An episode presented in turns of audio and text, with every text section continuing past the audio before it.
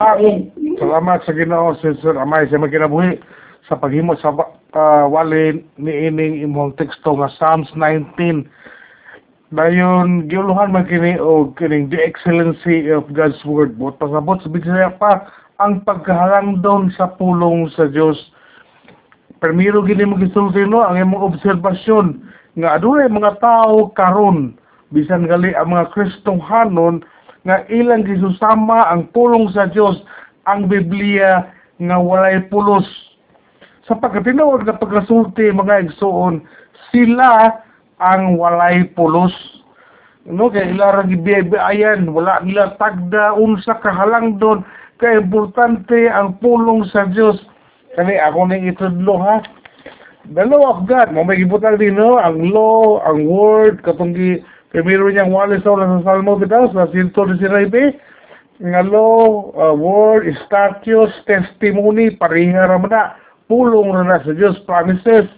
So the law of God, ang pulong sa Dios muni ang iyang sistema sa pagpanudlo diin kita mga katawhan, mga Kristohano nga nagsunod kaniya matudloan bahin sa kahibalo mahitungod sa atong Dios o dili lang kana mahitungod sa atong kawalingon. Diin kita gi gi gi, gi direct ba gituduan kita unsaon pag kinabuhi aron mapahimuot nato ang atong buhi nga Dios muna ang katong nasa iyang bersikulo nga 7 ug 8 nagtudlo usab kining pulong sa Dios kanato unsa ang atong angay lang taon o unsa ang angay natong tipigan nga padulungan dayon ang mga sugo ug ang mga gidili sa Dios na magid siya pulong na makita na na kay pinaagi lamang sa kaning sugo sa Dios makita nato unsa ka grabe ang sala karon sa kalibutan ug ang panginahanglanon natong katawhan sa kaluwasan nga mahiuli gayud kita ngadto sa kaning pagkabalaan aron makaatubang kita mugbalik sa atong buhay nga Dios aron makahigugma kita kaniya sa tibuok natong kasing-kasing o higugma usab nato ang atong mga silingan sa walay pili. O muna siya mga isuon nga ang kanunay lamang nga pag self-examination sa atong kugalingon kung hain na kita ug ang pagkinabuhi dinna sa kahayan mo kini ang kinahanglanon kaayo o mo kini ang rekwisito aron maadto kita pahidangat kita sa spiritual perfection. So importante kaayo mga igsoon nga dili lamang sa atong ba-ba musulti kita kundi ang ato ang isulti ngayon ang tinuod ang magdala og kaluoy ug ang makahatag og pagdasig sa atong kasing-kasing nga ang makapaminaw o bisan kita nga nagsulti makahinuklog unsay balaan unsay hingpit o unsay limpyo unsay yano kaayo nga iya sa Dios. So mo ni daghan ang gi gisulti nga linis amay nga adunay panalangin no? Nga makausob sa kinabuhi katong uh, makahatag og kalipay kanato nagtudlo kanato og magamit nato ang pulong sa Dios sa bisag unsa nga mga circumstances sa atong kinabuhi. Mohatag og giya kanato dayon mas maayo pa ni siya kaysa atong mga atong kaunon nga mga kanato bahandi sa kalibutan. O pinagi siya pulong makadawat kita og bahandi. Aduna importante din ang ibutang ni sis amay nga akong gilaktawan. Kaya akong ulahi kini pagsulti ang pulong sa Dios naghatag og kaalam. Sakto kina siya makaigsuon. Kay naaman diri sa Paralutihon City, ang Paralutihon 1, versikulo 7, nga ang pagtahod o pagbaton og hadlok sa Ginoo mo'y sinugdanan sa kaalam.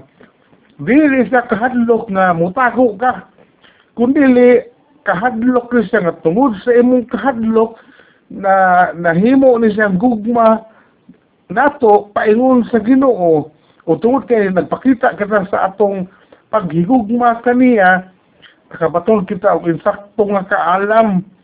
Dayon uh, ang kahadlok nga giubanan nato og pagtahod hinungdan po nga nakasabot kita og unsay ato ang katuyuan dinhi sa kinabuhi nato karon.